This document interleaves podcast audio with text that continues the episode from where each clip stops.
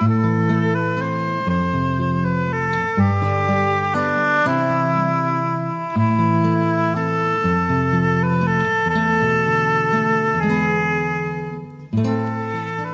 aand beteken kortom aand. Kortom beteken ons gaan al lekker kort verhale luister. Vanaand gaan ons luister na Petra Müller se verhaal, aangrypende verhaal, Die luiperd.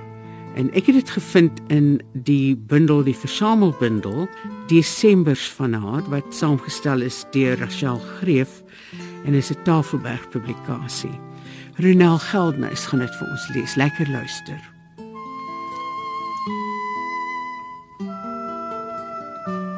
Sover ek weet, het ek nog nooit by die waarheid gehou in enigiets wat ek geskryf het nie.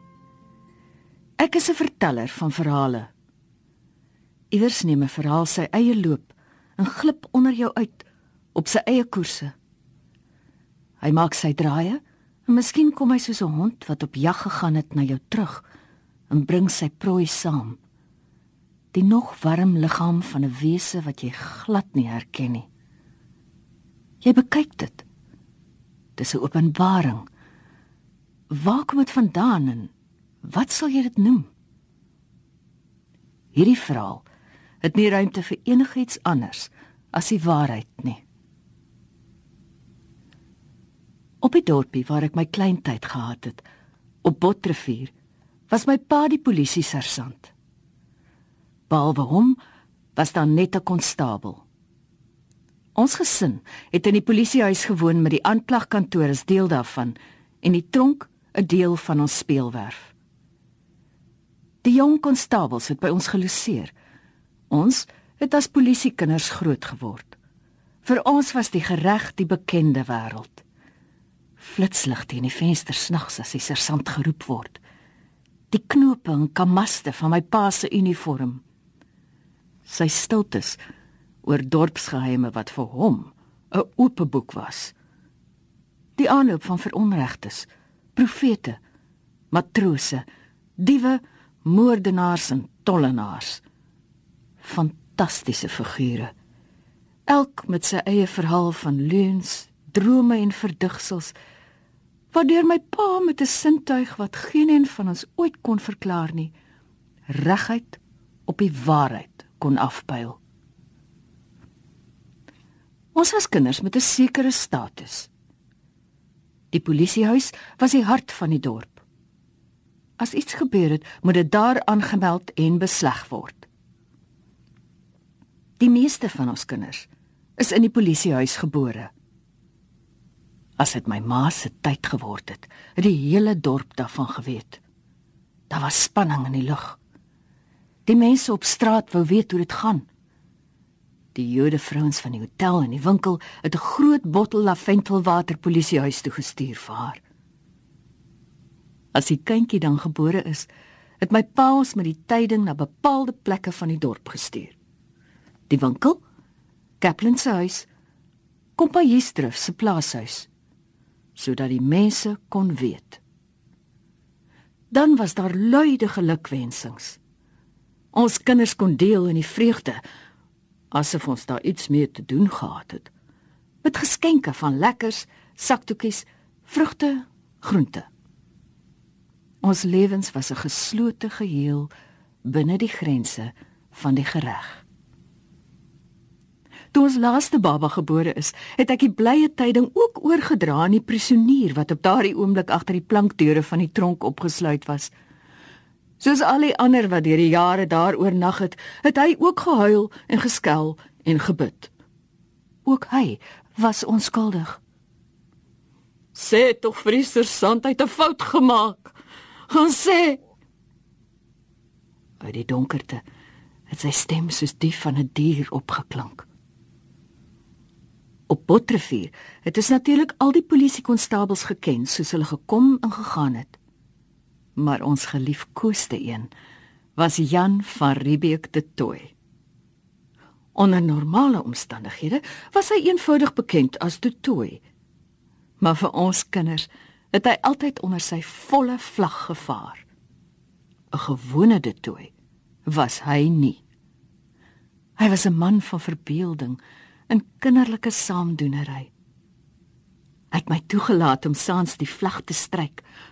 As ek sou kon bepaal op watter presiese oomblik die son sou sak. Ons was ten strengste verbied om in die konstabel se kamer te gaan. Maar saans na donkertyd het ons in van Riebeek te Toy se kamer gegaan en by die dun vlammetjie van die kers mondfluitjie gespeel en na sy verhale geluister. En soms het hy ons vir uitstappies geneem in sy karretjie en baie teen die wet, soms in die syspan van die BSA motorfiets wat in ons tyd die perde vervang het. My pa het nie tyd vir sulke speletjies gehad nie. Hy was die handhawer van wet in die omgewing en van self 'n ernstige man. Soms het hy op sy eie parade drill aan die een kant van die lang stoep uitgevoer om in oefening te bly. Maar van Riebeek te toe kon nie meedoen nie. Hy het altyd aan die lag gegaan. My pa het natuurlik oorspronklik by die berede polisie aangesluit omdat hy 'n befaamde perdryer was. Hy's een van die Jockey Millers. Met een van die twee polisieperde het hy van Botrivier af patrollie gery op lang togte langs die verlate strande om Kleinmond en Hangklip in die berge van Houhoek en oor Verliersdorp toe. Gewoonlik het dit 'n paar dae geduur en ons het uitgesien na sy terugkoms. Want uit sy skaarse opmerkings kon jy soms iets wonderliks wys word. Daar moet glo nog heelwat tiers in die klowe wees het hy gesê by een so terugkoms. Hulle het loopplekke oor die paaie. En die volk weet te vertel daar's 'n tier wat vang onder hulle diere. Al die wonderlike dinge van my kleintyd het uit die berge gekom waar die son namiddag so skielik met een stralende knik gesak het. Bosse bakpypies en heuninge daarvandaan gekom ook pluksels boegoe en willetee. Die skelms wat my pa moes vang vir skaapsteel of werk verlaat, het maar altyd berg toe pad gegee. Eenmal elke jaar het Kaplan ons in sy groot winkellorry gelaai. Al die kinders van die omgewing in berg toe geneem om soveel blomme te gaan pluk as wat ons wil. Ons het teruggekom met gerwe ritselende sewejaartjies en kordate rooi stompies wat is uitgedeel het aan die ou mense van ons plek. Uit die berg het ook die stroom water gekom waaraan ons dorp soos 'n vink aan 'n tak gehang het. Kompajiesdrif se stroom reguit uit die hoogtes by die meel verby. Dit was die onophoudelike stroom wat die meel van hom gaffie aan die gang gehou het. Op meeldae het 'n wit stuif om hom en sy hele gebou gestaan. Ons was nie toegelaat om alleen berge toe te gaan nie. Hulle was in ieder geval te ondenkbaar hoog bo ons, maar van Riebeek te Tooi het ons in sy motortjie soontoe geneem. Dit was baie vreemd daar op die hoogte met die riet wat swies swies in die wind waai. Hy het ons oor 'n klipprige paadjie na 'n heeltemal wilde plek geneem waar die berg met eens met 'n boggel af onder toe tuimel en die aarde ver onder weer te voorskyn kom in 'n diep skurwe dal. "Wat se plek is dit hierdie?" het my boeties gevra. "Dit is Tierkloof," het hy gesê. "Is al tiers in die berge?" het ek gevra Of is dit sommer net 'n naam? O ja, sê hy, baie. Die diere sit hulle paaie in plekke. 'n Mens moet net weghou van hulle, dan is jy veilig. Waar sou die diere se plekke wees? vra ek. Hy wys af teen die hang waar 'n ry donker kassies in die knikkende wit sewejaartjies staan. Dit is van die diere se plekke, sê hy. Daarop begin ek ontroosbaar huil en hy moet ons huis toe vat. Die seuns was vererg daaroor. Hulle het die verhaal met geur en kleur by die huis oor vertel. 'n Heeltyd was dit heuningkorwe. Op 'n dag het daar berig gekom dat 'n dier in die berge gevang is deur 'n tier. My pa het gaan ondersoek instel en dit was so. Kort daarna het die tierjag versamel. Die rooi gesig boere uit die ruggens het gekom, breed op hulle perde, met hulle honde en 'n tyd lank in die agterplaas tussen die polisiehuis en die stalle rondgemaal. My pa het nie saamgegaan nie. 'n Jagmeester was in bevel. 'n Skraal, ouerige man uit 'n ander distrik. Iemand wat bekend was met die dinge. Wees tog versigtig, het my pa gesê. Party van die manne die jagmeester het geknik. Hy het 'n raserige en onervare geselskap gehad, veral die honde toe hulle koers gekies berg in ons kinders het nog 'n entjie saam met hulle gedraf deur die bloekombome tot waar die landerye toemaak en die kloof se nou te begin my pa het in sy kakie klere in die polisiekantoor se deur na hulle gestaan en kyk ook my ma het by die sipresheining gaan uitkyk dit was die eerste tierjag van ons jare daar Hulle sal vir al wat jy weet eers môre terugkom, het my pa gesê. Teen voete was tyd, daardie selfde middag, het die honde van die dorp met eens geweldig aan die blaf gegaan. Kort daarna was daar 'n aneengedruis van perdepote. Dit het met die steil pad uit die kloof gekom, oor Kompanjiesdrif se werf. Een van die plaas se kinders het aangehardloop gekom na ons toe. Die dierjagters was terug en hulle die dooie tier by hulle. Die polisiehuis het aan die een kant van 'n stowwerige pleintjie gestaan met die garage in die middel en Kaplan se hotel, die winkel en Kaplan se groothuis, die enigste groothuis van ons dorp aan die ander kant. Die tierjagters het op die pleintjie versamel. Ek het weggehardloop rivier se kant toe en daar met die krans opgeklouter sodat ek kon sien wat op die pleintjie gebeur. Daar was 'n groot gemaal van mense. Uit al die stofbaadjies van die dorp het hulle aangekom. Ook bo uit die lokasie ander kan die treinspoor om te kom kyk wat gebeur. My boeties was ook daar. Ek was bang. Die honde het onophoudelik geblaf. 'n Gedruis, erger as die rivierwater onder kan die krans waar ek gesit het. Ek kon sien hoe dat Kaplan self van die winkel af oorkom, hoe sy hele familie, asmatiese Eva, Iver en sy vrou Violet, ook die tantes, Miss Mattie en Miss Rita, op die hoë stoep van die huis vergader. Aan die onderpunt van Kaplan se tuin was 'n paar bome. Daar was die middelpunt van belangstelling.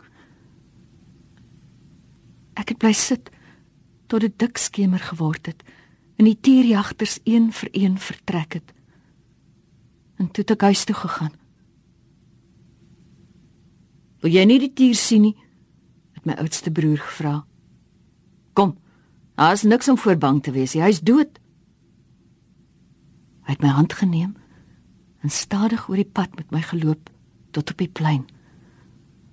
Maar toe ek naby die onderpunt van Kaplan se tuin 'n maling van honde sien, om 'n gevlekte voorwerp plat op die grond, het ek teruggerem in ons huis toe. Die aand aan tafel is daar net oor die dier gepraat. Sy stert sou afgekap moes word, het een van die kinders gesê om vir die magistraat te gaan wys. Die storie van sy vangs is vertel. Hoe hy aan 'n boom vasgekeer is deur die tierjagter se eksperte honde hoe die ou man hom met een skoot dodelik getref het. Hoe hy net sy kop laat sak en op die tak bly lê het sodat iemand hom met 'n stok moes omkeer om af te val. In die middel van die nag het ek wakker geword en kon nie weer slaap nie. Die maan het helder geskyn. Die honde van die dorp was nog onrustig. Hier en daar was 'n paar aan die blaf, My geel kat het in die vensterbank gestaan en uitkyk in die rigting van die plein. Ek het opgestaan en in my nagklere by die venster uitgeglip. Ek was nie meer bang nie. Stadig het ek by die garage verbygegaan. Oral was daar helder maanlig. Behalwe in die skaduwee van die bome aan die onderpunt van Kaplan se tuin waar die tier lank uitgestrek gelê het met sy pote twee twee bymekaar en sy kop effens na agter gekantel. Ek het nader gegaan en naby die tier gehurk. Sy kolle was heeltemal sigbaar in die halflig. Klein, ronde, donker vlekke op die huid, asof iemand daar katpoot gemaak het. Hy was heelwat kleiner as wat ek gedink het. Soos hy daar gelê het, het hy my laat dink aan een van die dorpshonde wat rustig slaap op 'n somersdag. Hy was heeltemal dood. Om hom was daar 'n wille ruik, soos wanneer jy in die veld op kruie trap. Op sy hele liggaam was daar nie een letsel nie. Hy was heeltemal heel. Ek het om hom geloop. Toe ek gaan sit en my oop hand op sy flank laat sak. Die hare was onverwags sag. Die dier het nie omgekrul en my verskeur nie. Daar het heeltemal niks gebeur nie. Ek het met my hande oor sy liggaam gestryk. Met my vingerpunte sy kolle nageteken. Met my vingers in sy sagte, koue voetkussing gevoel. Sy stert is ongewoon dik vir sy liggaam. Daar word die kolle groot, al hoe groter totdat die hele ronde stertpunt een donkerte is. Op sy pote af word die kolle kleiner totdat dit amper stippels is. Op sy flanke word die kolle weer groter. Langs sy geslote mond is 'n donker lyn op neus toe, asof 'n kind dit met 1 2 3 liefderyke hale van die donker kruit ingekleer het. Van sy mond af sprei drie rye kolletjies. Uit elke kol groei snorbaard. Op sy voorkop is die spikkels klein. Uit sy ore kom 'n ruigtetjie wilde hare. Op sy kop is 'n groefie waar die hare na mekaar toe groei asof die nate van sy liggaam daar gevoeg word. Langs sy borskas af begin die kolle oopgaan in 'n klein roset. Binne in die roset is daar 'n dieper kleur van geel as buite. Hy's lig en donker soos hy daar lê. Maanlig en skaduwee. Hy leef nie maar dit lyk of hy leef. Sy patroon vloei om sy kop en bene saam asof hy leef. Sy kop is 'n deel van die boom waarin hy gevind is. Sy liggaam is 'n veld vol donker blomme. Sy dooie oë is twee splete waarin maanlig opdam, vlak so sanderige poele water. Hardloop fluister ek. Maak dit jy wegkom. En ek maak die deur van die tronk vir hom oop. Uit in die maanlig hardloop die dier. Terug oor die stowwerige pleintjie, juigend in die rigting van die berg. Die laaste wat ek van hom sien, is die donker kwas van sy stert wat roekeloos heen en weer swaai in die galop van sy groot sterk pote.